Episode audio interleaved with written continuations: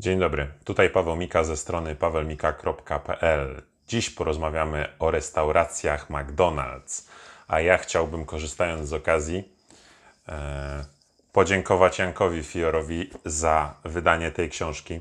Czyta się ją jak thriller gospodarczy, e, niczym najlepszą beletrystykę, której już od wielu lat nie tykam. Natomiast ta książka opisuje prawdziwą historię korporacji McDonald's. E, Zwłaszcza fascynujące są jej początki i chciałbym Ci dziś opowiedzieć o e, trzech czynnikach, które moim zdaniem najbardziej przyczyniły się do niewątpliwego globalnego sukcesu mm, tego przedsiębiorstwa. Zapraszam. Pierwszym czynnikiem sukcesu było odzyskanie pełni kontroli nad e, firmą McDonald's Corporation przez Rea Kroka. Musisz bowiem wiedzieć, że założyciele McDonald'sa i właściciele, pierwotni właściciele mm, praw do nazwy i systemu McDonald's, bracia McDonald, nie byli zbyt dobrze współpra- współpracującymi partnerami i tak naprawdę formalnie Ray Kroc, który jest słynny z tego, że stworzył globalną firmę z korporacji McDonald's, formalnie był tylko ich agentem odpowiedzialnym za pozyskiwanie nowych restauracji, sprzedawanie franczyz. E, W zasadzie wszystkie działania, które podejmował, e, ryzykując także swoim majątkiem, swoją reputacją, podejmował na ich rachunek, e, ze wszystkimi tego konsekwencjami e, pozytywnymi. E, To znaczy, oni spijali śmietankę i brali swoje pół procenta przychodów, e, a on ryzykował opinią i majątkiem, e, zaciągając kolejne zobowiązania i inwestując w rozwój firmy. Natomiast przyszedł taki moment, gdzie za 2,7 miliona ówczesnych dolarów amerykańskich, co było wówczas fortuną, postanowił zrealizować swój plan, z którym nosił się już od dłuższego czasu i zapłacić braciom za prawo, za wyłączne prawo do używania ich nazwy e, i ich systemu w restauracjach na całym świecie. Choć wówczas e, kwota mm, prawie 3 milionów dolarów, bo to były lata 60., e, była kwotą astronomiczną, to jakieś 20 lat później te pół procenta udziałów w przychodzie korporacji było już warte ponad 100 milionów. Drugi czynnik sukcesu to mm, e, tak zwana McDonaldyzacja dostawców. Jak każdy startup jak każda firma, która jest mała, choć dynamicznie się rozwija, e, potrzebuje różnych dostaw. Najczęściej są to surowce, półprodukty.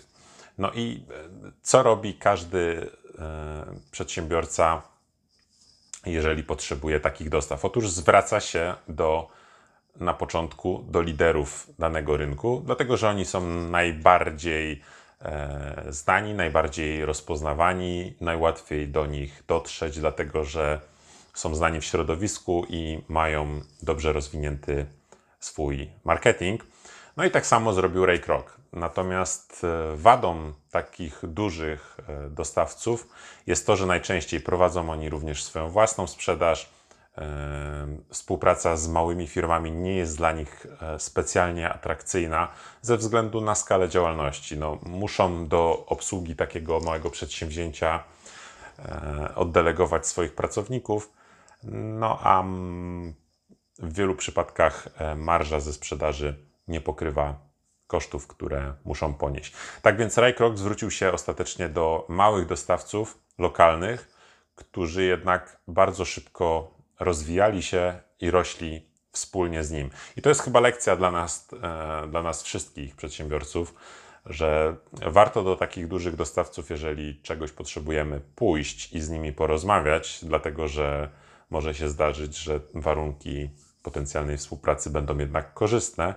Natomiast e, ostatecznie często trafiamy na, e, na małych dostawców, gdzie na zasadach partnerskich i wykazując się wzajemnie lojalnością, szczerością, uczciwością, możemy zbudować duży w przyszłości biznes wspólnie, odnosząc z tego z tego wspólne korzyści.